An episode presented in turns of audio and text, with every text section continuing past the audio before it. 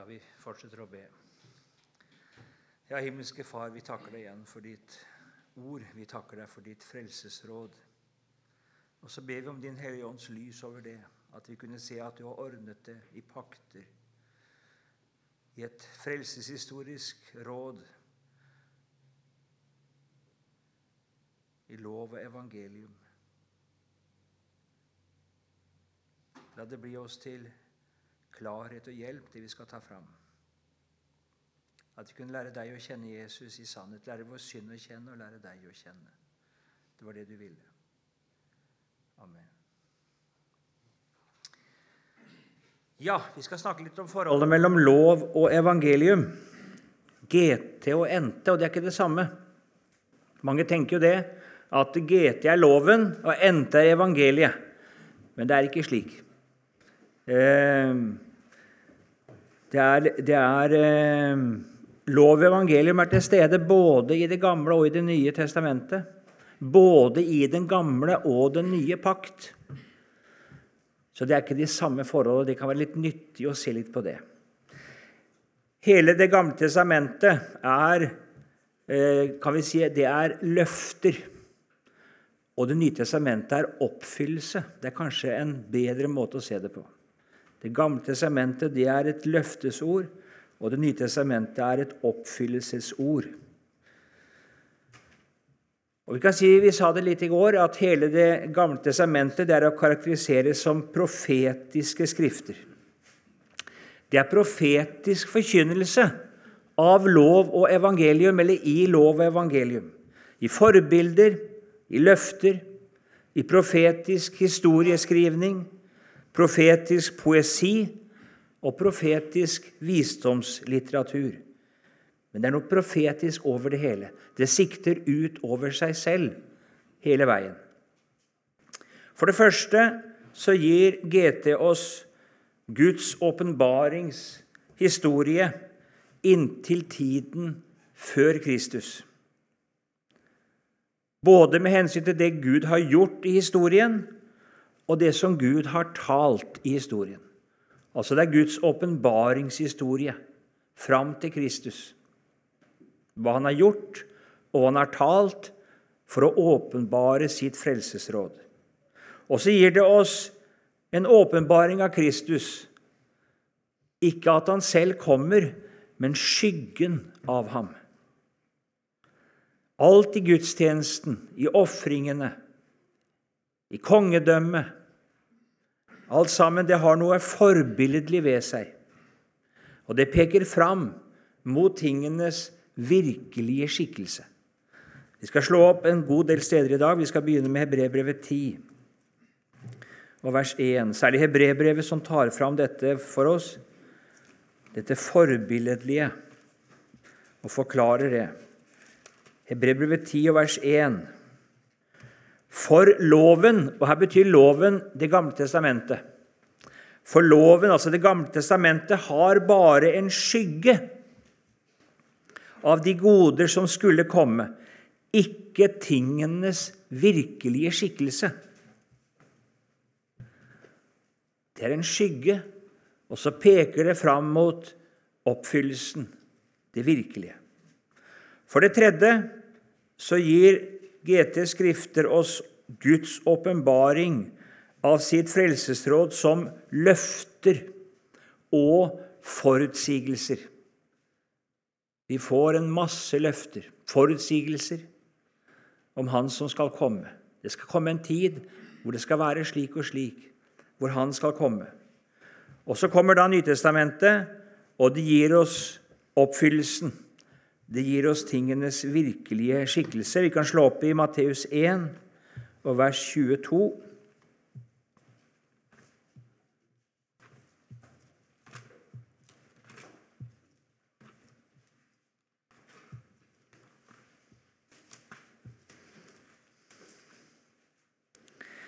Alt dette skjedde for at det skulle bli oppfylt som Herren hadde sagt ved profeten.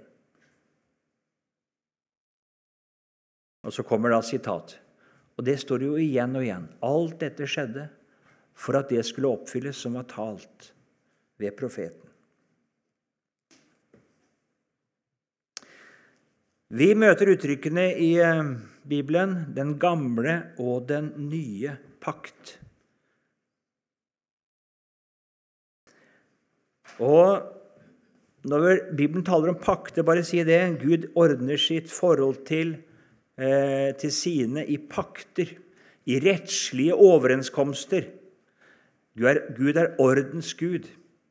Og Det er rettslig fundament for hans forhold mellom Gud og mennesker. Vi skal ikke komme mer inn på det, men det er det som ligger i pakt. Og Vi kjenner jo først og fremst til Sinai-pakten. Den er en lovpakt med bud og forskrifter som folket var bundet til. Og som lovpakt så kaller vi Sinai-pakten den gamle pakt. Det er Sinai-pakten vi tenker på når vi bruker uttrykket 'den gamle pakt'. Det er ikke Det gamle testamentet, altså, men det er Sinai-pakten med de ti bud. Og alt det som er med der, gudstjeneste og ofringer, alt dette hører med til den gamle pakt. Og denne pakten var Israel lovbundet til. Den skulle de forholde seg til. Den skulle de følge. Den skulle de innrette seg etter, holde høytidene, bære fram de foreskrevne offer osv. En rekke forskrifter om mat, om klær, om hellige dager, og dette var de lovbundet til. Derfor kan vi tale om den gamle pakts tid. Og den gamle pakts tid, det er den tid hvor denne pakten var noe som Israel var lovbundet til. Det var tiden fra, fra Sinai og fram til pinsedag. Det er den gamle pakts tid. Vi kan slå opp i Hebrebrevet 9 og vers 9 og 10.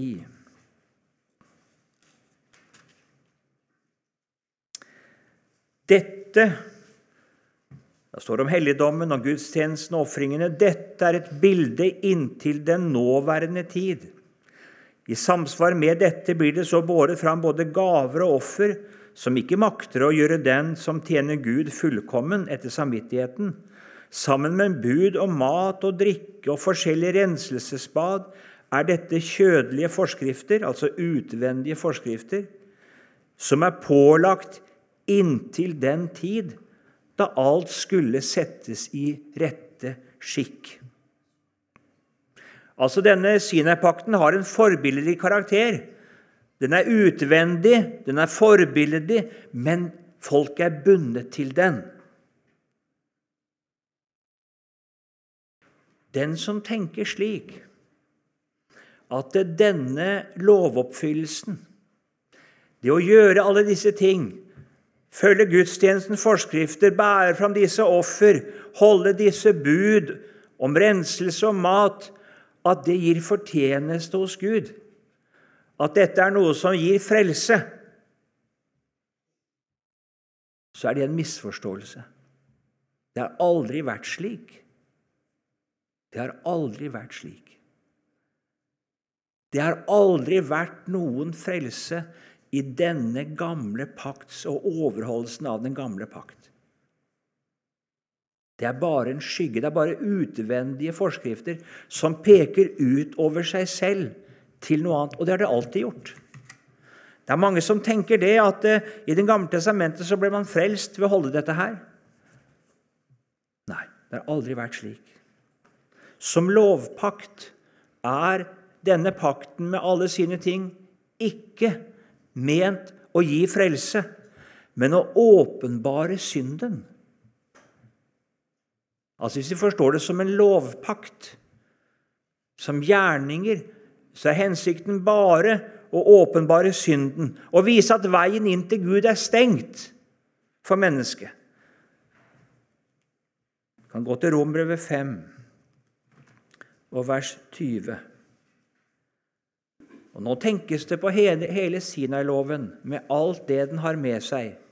Og der står det Romerøve 5, 20. Men loven kom til for at fallet skulle bli stort. Ikke for at mennesket skulle bli frelst, men for at fallet skulle bli stort. Galaterbrevet 3 og vers 19. Galaterbrevet 3, 19. Hva skulle da loven tjene til? Den ble lagt til for overtredelsenes skyld.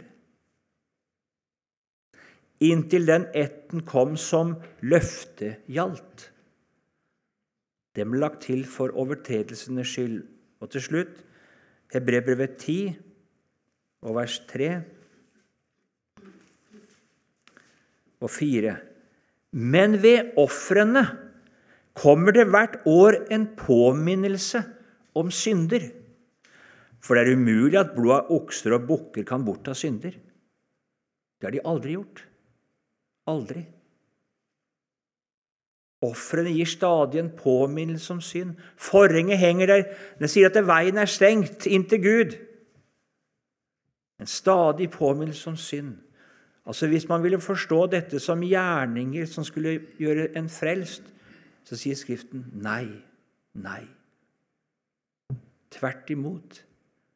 Åpenbarer at det nytter ikke å komme inn til Gud gjennom denne form for lovoppfyllelse.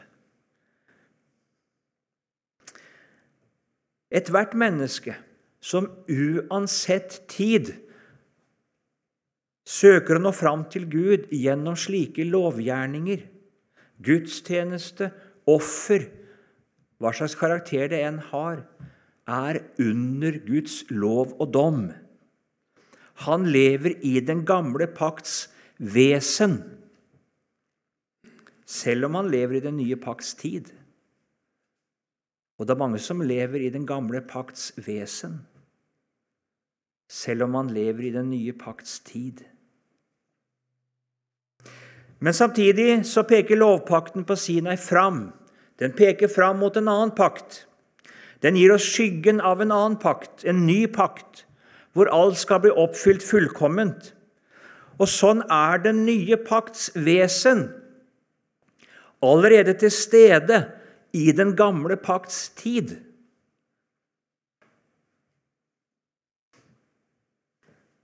Jeg glemmer også ta det her, da. vet du. Ja. Altså, den nye pakts vesen er til stede i den gamle pakts tid. Kristus er til stede gjennom offer og gudstjeneste som en skygge, som et forbilde. Han er der som ypperste prest, han er der som lam, han er der som stedfortreder.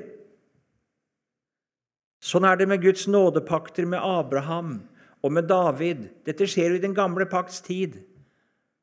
Og så møter vi nådepakter, ensidige pakter og løfter. Nådepakter i den nye pakts vesen og ånd, som åpenbare løftet om Kristus og at mennesket blir frelst ved å tro på Han som skal komme. Og alle som i den gamle pakts tid tok imot løftet om Han som skulle komme, satte sin lit til ham og så ham i alt det de gjorde.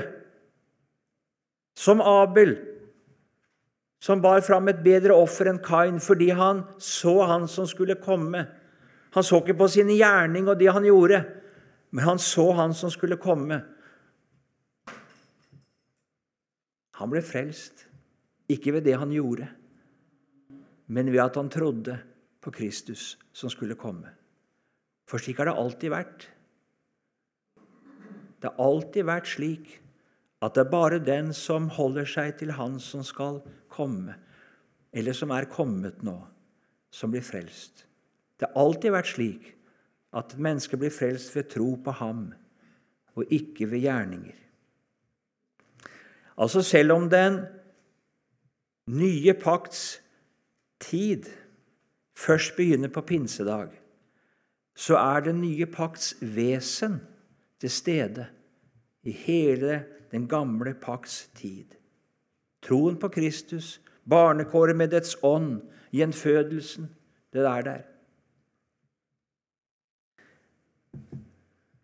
Det er altså ikke en annen form for frelse, en annet forhold til Gud i den gamle pakts tid. Nei, det er det samme forhold til Gud, det er den samme frelse, det er den samme tro, det er det samme barnekår. Vi har en retning som heter På engelsk heter det 'dispensations'. som Man taler om tidshusholdninger. For de som leser Dagen, så er det en som heter Oskar Edin Indegård, som særlig har skrevet mye om dette. Eller så er det en som heter John Nelson Darby, Scofield, Ironside En del sånne britiske teologer som har skrevet dette. Og har fått mange tilhengere i Norge. Særlig kretsen rundt bladet Evangelisten er det mange som, som eh, tenker slik at vi har ulike dispensations. Slik at Gud forholder seg på litt ulik måte fram til Sinai. Og fra Sinai til pinsedag så er det én, og så er det menighetens tid vi er nå. Da er det slik, og så kommer ja, Og så er det ulike på en måte ord som er til ulike folk og tider. Nei. Det er ikke slik. Det er ikke slik.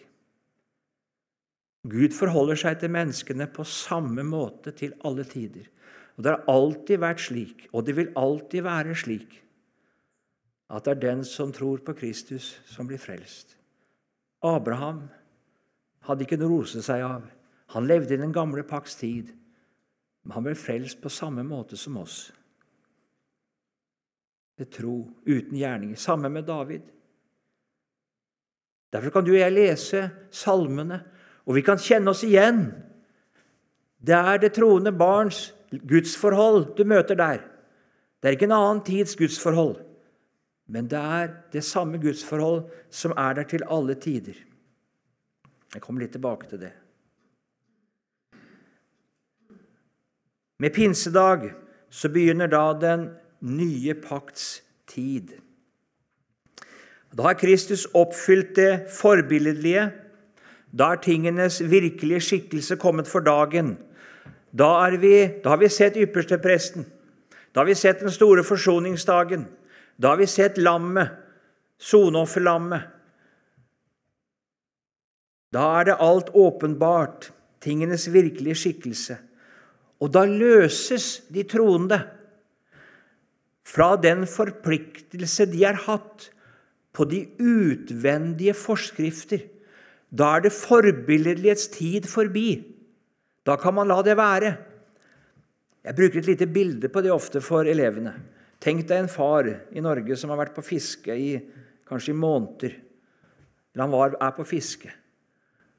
Barna er små, og så vil ikke mor at barna skal glemme far. Så de samles hver dag foran bildet av far, og så forteller hun om far. Og De minste de kan knapt huske åssen han var, men de ser bildet. Men en dag så sitter han der i stua. Han er kommet hjem. Nå samles man ikke rundt bildet lenger. Nei. Nå kan man springe opp i fars fang. Nå kan man snakke med han ansikt til ansikt. Nå er bildet nå, nå kan det henge der på veggen. Jo, kan man se på det og se at jo da, det er far. Men nå har man han ansikt til ansikt. Akkurat slik er det. Når Jesus kommer og oppfyller, da er tingenes virkelige skikkelse der. Da trenger vi ikke å samles om det forbilledlige. Gudstjenesten, ofringene, matforskriftene, klesforskriftene, renselsesbadene Nei, det er avløst. Dette åpenbares jo for Peter når han er i Joppe. på taket han er sulten. Så kommer det en duk ned. Og så er det alle slags dyr der. Dyr som man etter Moselovens forskrifter ikke kan spise. Slakt og et, får han høre. Nei, sier Peter. Jeg har aldri spist noe urent så kommer det at du skal ikke kalle det urent, som Gud har renset. Og så kommer det tre ganger. Og mens han tenker på hva det betyr, så kommer det bud om at det er en som vil snakke med han oppe i Cesarea. En italiener, en romersk offiser, som heter Kornelius. Han er hedning, han er ikke omskåret. Og så forstår Peter hva dette betyr. Dette skillet som har vært mellom jøder og hedninger, dette skillet som har vært der på grunnlag av mat Han går inn og spiser sammen med han. Den maten som blir satt fram for han, uten å tenke noe mer på det, det er et brudd med Moselovens forskrifter. Og I Jerusalem er de aldeles oppbrakt. Altså, Du gikk inn til hedninger, og du spiste sammen med dem. Helt forferdelig, tenker de. Nei. Det er en ny tid. Nå er skyggen avløst av oppfyllelsen, og så er man løst i, også fra disse utvendige, forbilledlige forskriftene. Kjødelige forskrifter inntil den tid da alt skulle komme i rette skikk. En ting til på pinsedag. Kristus kom i kjød julenatt. Da ble han åpenbart i kjød. Han var der i den gamle pakt. Han var der. Forbilledlig. Skyggen var der. Men nå kommer han selv. Og på samme måte er det med Den hellige ånd. Den hellige ånd er der i hele den gamle pakts tid. Du må ikke tenke noe annet. Ingen kommer til tro, ingen kan leve med Gud uten Kristi ånd. Nei. Men den, han åpenbares på pinsedag slik Kristus åpenbares julenatt. Han er til stede slik Kristus er til stede nå i den nye pakts tid, slik er Den hellige ånd virkelig og fullt til stede. Graden eh, av tilstedeværelse og virksomhet er annerledes. Nå skal man gå ut i hele verden. Vi kan ha sagt mer om det, men vi skal la det, skal det, la det ligge. Men altså, skyggen igjen blir avløst av tingenes virkelige skikkelse. Et siste moment i denne oversikten ja.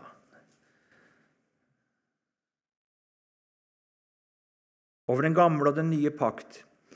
Israel og Juda de lever som folk. Særlig i frafallstid så lever de med Gud i den gamle pakts vesen. Hva mener jeg med det? Jo, de glir bort ifra troen. De glir bort ifra det og ser fram til Han som skal komme. Og så blir de opptatt av alt de skal gjøre. Jeg tar ikke så nøye med det heller, men, men det er det all deres gudsforhold blir. Det blir en gjerningsreligion. Hvor de gjør regnskap over gitt og mottatt. Og de klager åh, bud på bud og regel på regel, litt her og litt der. Åh, for et ork, sier de. Ja, og Gud han holdt på å si, klager på samme måte. 'Jeg er mett av alt dette her. Jeg orker ikke mer av det.' Altså, De har jo misforstått det hele. De tror det, at jo mer de ofrer, jo mer de gjør, så skal de kompensere for sin synd. Det var bedre de hadde stengt tempeldørene. For de lever ikke med Gud i hjertets omvendelse og tro. De lever ikke med ham i den nye pakts vesen. Men de lever med ham i utvendighet, kjødelighet. Og det er ikke noe sant Guds liv. Og så sier Gud det skal komme en annen tid. Det skal komme en annen tid over Israel. Jeg vil gjøre en ny pakt med Israel. Da vil jeg omskjære deres hjerter, ikke bare deres forhud, for det var det utvendig, ikke sant? Men da skal jeg omskjære hjertene deres. Vi kan slå opp i Jeremia 31.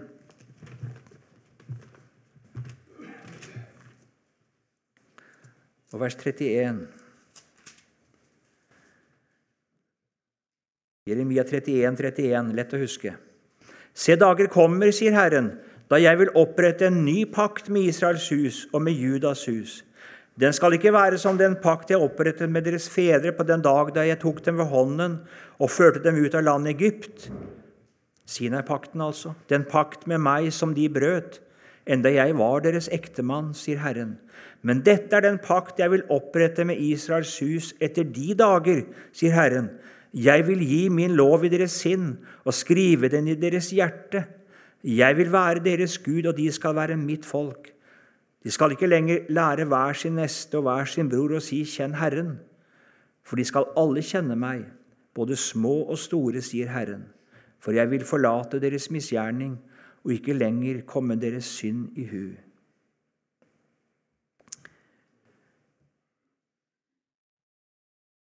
Mange tenker dette at dette sikter til pinsedag. Og på en måte så gjør det det. Da er på en måte, da, Det er jo da Ånden åpenbares. Men det er ikke det det i første rekke sikter til. Det sikter til den dag da Israel og Juda skal bli omvendt. For det er først da man kommer inn i den nye pakts vesen og fordele Den hellige ånd og bli født på ny. Mange opplevde det på pinsedag. Vi skal slå opp i Jeremia 32.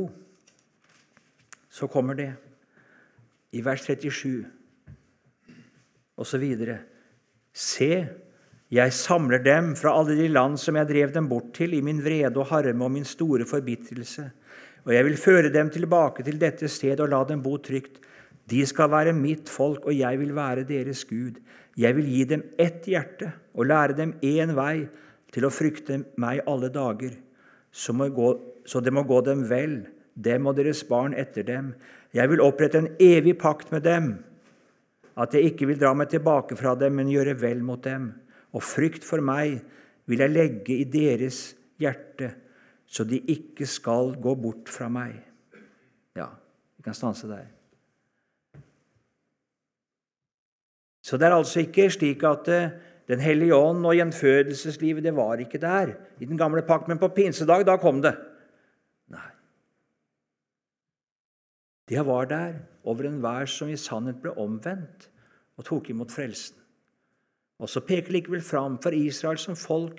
De gjorde ikke det i den gamle pakts tid. De gjorde det heller ikke på pinsedag. De har ikke gjort det til i dag. Men det kommer en dag da de skal det. Men den nye pakts vesen, altså, med gjenfødelseslivet, åndens lys og liv, det finnes hos de troende i den gamle pakts tid.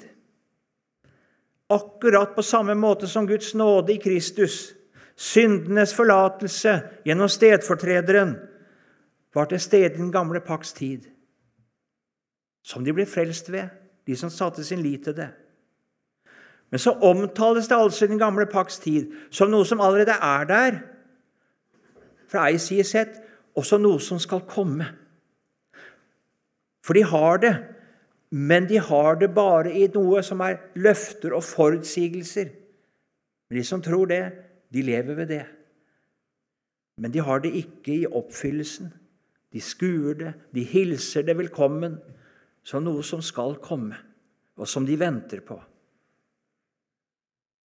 Både Kristus og Ånden er der som en forbilde og en skygge, og samtidig noe som ikke fullt ut er virkeliggjort.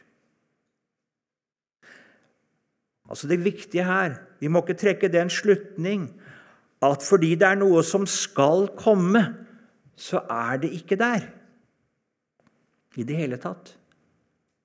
Er det mange tenker. Nei, Den hellige ånd sier de, han kom på pinsedag, så De gamle testamentene hadde ikke Den hellige ånd. Og de hadde ikke Kristus. Han kom på julenatt, så de hadde bare ofringer. Nei, de hadde Kristus. Kristi ånd som var i dem, står det. Det leste vi i går. Vitnet. De hadde det. Men de hadde ikke fått se tingenes virkelige skikkelse. Men de levde i løftenes tid. De levde i forutsigelsens tid, og de hilste det, og de så det. Og de hadde sin glede i det. Du møter en av dem. Han kommer til tempelet. Og så får han ta et lite barn i hendene sine, og så sier han det. Nå kan du fare. La din tjene fare herfra i fred.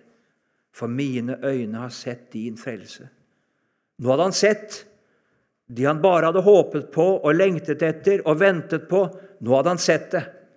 Nå hadde oppfyllelsen kommet. Og så var han mett. Han var mettet ved å se det. Og Derfor gir det altså mening å lese om de troendes liv og gudsfrykt i den gamle pakks tid. Kjenne seg igjen. Du kan lese om Abraham, og du kjenner deg igjen. Ja, Ikke at vi når han mer enn til anklene, altså, men likevel du kjenner han igjen. Det trosliv han lever, sammen med David, sammen med den ene og den andre. Vi kan lese om Jakob, om hans omvendelse. Og så er det det samme gudsliv. Det er den samme syndenød. Det er det samme svikt. Og det er den samme fornyelse, omvendelse og liv med Gud. Det er akkurat det samme. Har alltid vært og vil alltid være det. Deres trosliv var ikke annerledes enn vårt trosliv, selv om de så fram til Han som skulle komme, og vi ser tilbake på Han som har kommet. Jesus har en skriftlærer fariseer foran seg. Han kommer til han. Og så sier Jesus til ham han taler til ham om å bli født på ny. Og så anklager han Nikodemus fordi han er fremmed for Den hellige ånds gjerning. Han er fremmed for gjenfødelsen. Og så sier han, 'Du som er Israels lærer, du vet ikke dette.' Hvis det var noe som kom på pinsedag, hvordan kan han anklage Nikodemus for ikke å kjenne til det? Han kan nettopp anklage Nikodemus fordi Nikodemus burde kjenne til det. For det står om det i hele Gamle testamentet. Alt sant gudsliv til alle tider, det har vært et gjenfødelsesliv, et trosliv. Hvor man må bli født på ny. Det har alltid vært slik. Man blir født fra himmelen. Det er ikke først på pinsedag det skjer. Så vi må ikke blande sammen tidspunktet når noe blir frelseshistorisk åpenbart og fullbyrdet, men når det er virksomt. Det har vært virksomt. Det var virksomt på, pinset, nei, på, på syndefallets dag, da Gud talte til Adam og Eva, og de grep ord i tro. Da ble de født på ny. Abel kjente til det. Han levde i tro. Han var ikke fremmed for gjenfødelseslivet. Kain var det. Med sin utvendige gudsdyrkelse så kom han aldri utover det kjødelige, det utvendige. Men det hadde ikke fordi han levde i den gamle pakts tid, det var fordi han ikke levde i den nye pakts vesen. Han levde ikke i tro på løftet. Det var saken. Derfor kan Bibelen tale om det som ikke har skjedd, som om det allerede har skjedd. Den regner med det. Jesus døde, ikke sant, ca. 30 etter Kristus. Men i Skriftens talemåte så er Kristus korsfestet, så er, så er Jesus korsfestet fra verdens grunnvoll belagt. Kan slå opp i Åpenbaringen 13,8. Johannes' åpenbaring, kapittel 13 og vers 8.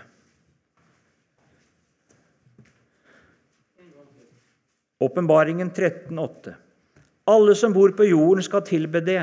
Hver den som ikke har fått sitt navn skrevet i livets bok hos lammet, som er slaktet fra verdens grunnvoll, ble lagt. Lammet som er slaktet fra verdens grunnvoll, ble lagt.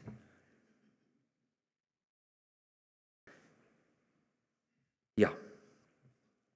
Vi skal ta over på et litt annet Jeg må skynde på nå. Vi skal snakke litt om loven og vårt forhold til den i den nye pakts tid. Jeg skal prøve å være kortere her. Vi kan si at eh, Moseloven kan deles i tre. Vi har moralloven, de ti bud. Vi har Israels borgerlige lov, straffebestemmelser og konkrete lovbestemmelser om det ene og det andre brudd, eller nærmere beskrivelse av de ti bud i samfunnslivet. Det skulle stå 1, 2, 3 der, men det har eh, skjedd noe feil her. Ja. Og så er det seremonialloven, den siste. Det går på gudstjeneste, ofringer, klær, mat, renselse, alle slike ting. For en israelitt i den gamle pakts tid så var det ikke så vesentlig å skille mellom disse tre former for lover. For de var lovforpliktet på alt. Det var én og samme lov. Alt var pålagt av Gud, og man var forpliktet til å holde det, alt sammen.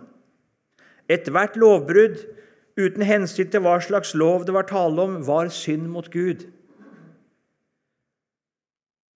Der er det annerledes i den nye pakts tid.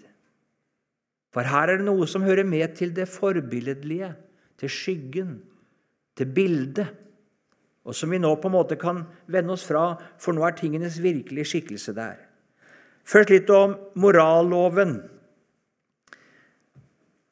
Guds bud for menneskelivet. I forhold til Gud selv, det er det første til tredje bud. I forhold til andre mennesker, fjerde til tiende bud, er å blir de samme til alle tider. Den gjerning som disse bud beskriver, den er skrevet i menneskets hjerte.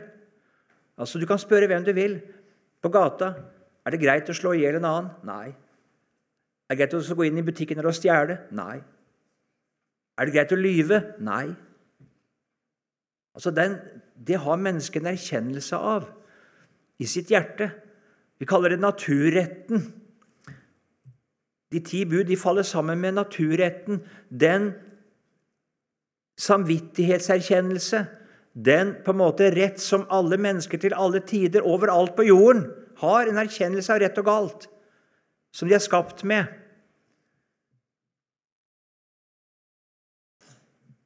Så disse bud gjelder til alle tider. Det er ikke slik at det var sånn i den gamle pakks tid, men nå bør vi ikke bry oss om budene. Jo, de står ved lag. Det er Guds ordning for menneskelivet som står ved lag. Og det er slik at Gjennom gjenfødelsen så har det gjenfødte hjertet ikke bare fått denne lovens tavle skrevet utenfor seg, men denne lovens tavle er skrevet inn i menneskehjertet. Han får skrevet det inn. Vi kan slå opp i Hebrebrevet 8,10.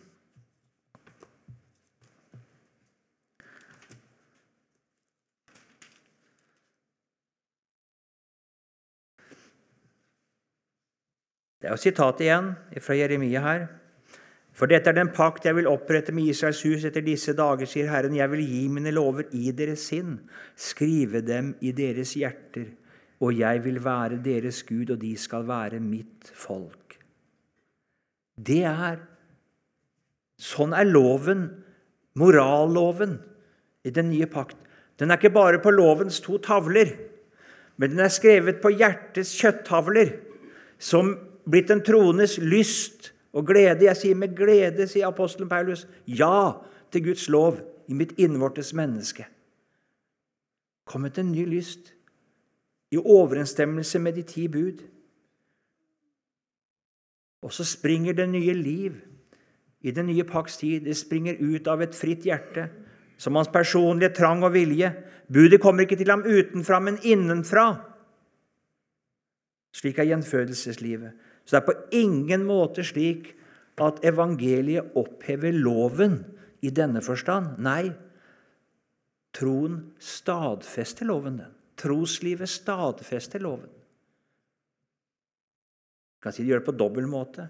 Stadfester det loven på den måten at jeg anklager meg for synd når jeg gjør brudd mot loven. Og Derfor må jeg til Kristus i tro for å bli frelst. Men så stadfester jeg også loven ved at jeg vil leve etter den. Jeg gir den rett. At den er god. Og det er min trang å følge den.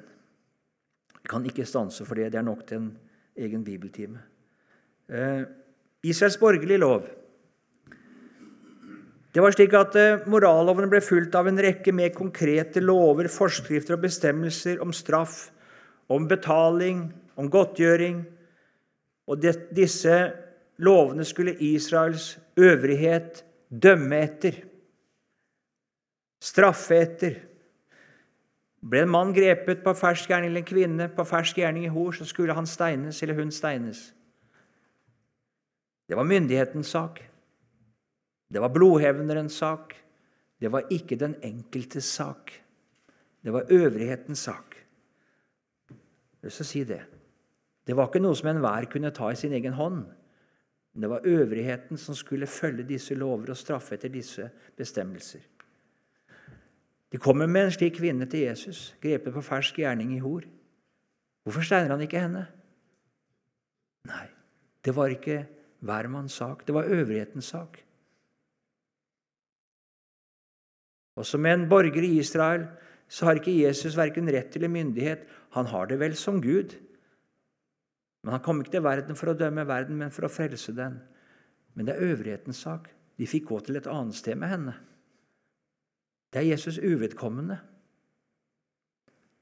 Han er ikke satt til å være dommer, til å ordne rettssaker. En kommer av at han skal skifte eiendommen med han, ikke sant? Nei, det er ikke Jesus' sak. Han er ikke en, er ikke en Moses som skal drive og skifte, ordne. Nei, han har en annen oppgave. Det var de romerske lover som gjaldt i Israel på Jesu tid. I det minste med hensyn til dødsstraff så var det det.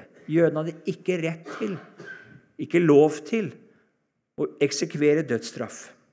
Derfor de kommer til Pilatus med Jesus.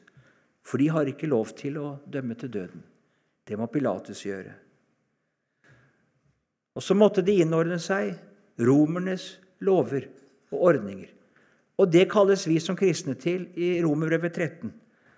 Vi skal underordnes den øvrighet som er. Og de lover som er på det borgerlige livs område. Vi har ikke Israels Vi har ikke David som konge. Vi har ikke Moses. Men vi har altså Nå er det Støre og Harald. Og det er lovene deres som du og jeg skal følge. Det er vår borgerlige lov. Det går en grense her. Ja, Nå glemmer jeg her igjen, da, vet du. Vi kan gjerne søke å fremme de ordninger og prinsipper, den rettferdighetstenkning som er i Israels borgerlige lov. Men vi er ikke forpliktet til å på en måte kjøre det gjennom egenrådig. Nei, det kan vi ikke gjøre. Jeg kan ikke ta opp en stein, for nå står det i Bibelen at vi skal steine den som har drevet hor. Nå ser jeg en kvinne på gata, så steiner jeg henne. Nei, det skal jeg ikke gjøre. Jeg skal underordne meg vårt lands øvrighet. Det går en grense. Det er når denne øvrigheten pålegger meg noe som er i strid med Guds ord, eller forbyr meg noe som jeg som kristen er forpliktet til å gjøre. Der går grensen. Jeg ser noen har skrevet om at det sånn var det under pandemien, hvor ikke kunne samles til møter pga. forbud og sånne ting. Og så står det i Bibelen at vi skal ikke holde oss borte fra forsamlingen, så da var det brudd mot noe vi er pålagt. Nei, nei, nei.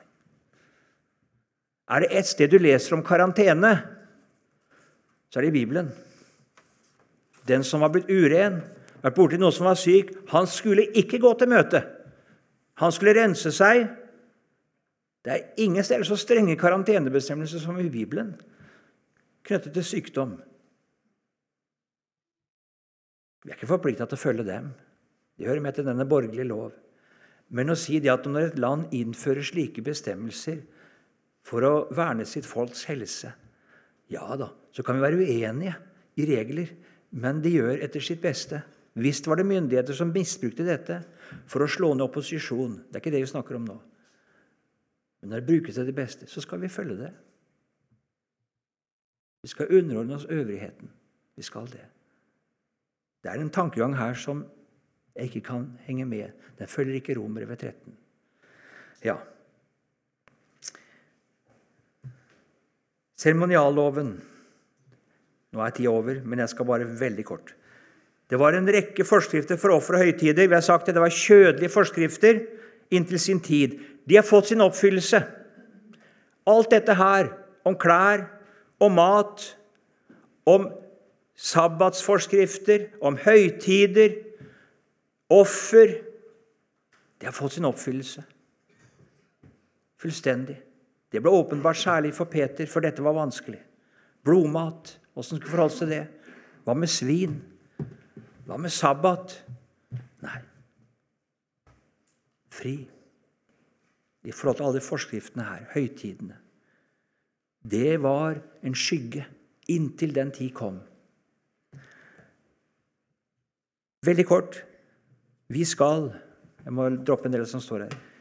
Vi skal ta hensyn til de svake samvittigheter. Det sier Bibelen. Det er noen som ser det står i Bibelen, dette her. Og, og jeg, dette må jeg følge. Jeg vil gjerne følge Bibelen. Og så er det blitt en samvittighetssak. Og så har man ikke det lys at dette er en forskrift inntil oppfyllelsen, at dette er en skygge. Jeg skal ta hensyn til en slik svak samvittighet. Jeg skal det. Jeg skal ikke presse den som ikke har samvittighet til å spise svin. Jo da, det må du bare spise. Det er ikke noe farlig. Bare spis det. Nei, jeg skal ikke det. Jeg skal ikke føre den i fortapelsen som Jesus er død for, sier Paulus. Hvis et menneske har en samvittighet som sier at det er synd, ja, så er det synd for det mennesket. For det mener at det, det bryter Guds bud hvis det gjør det. Det skal jeg respektere. Jeg skjønner at det er helt feil. Det mennesket har ikke forstått. Ja, den kunnskapen får jeg ha. Og skal jeg prøve å veilede, men jeg skal ikke presse det mennesket til å handle mot samvittigheten. Det skal jeg ikke. Men og nå snur vi bladet om. Kommer det en inn i forsamlingen og sier det, at dere må gjøre sånn Dere må slutte her på Fosnes og servere pølser. Dere kan ikke ha koteletter mer. Vi skal ikke spise svin.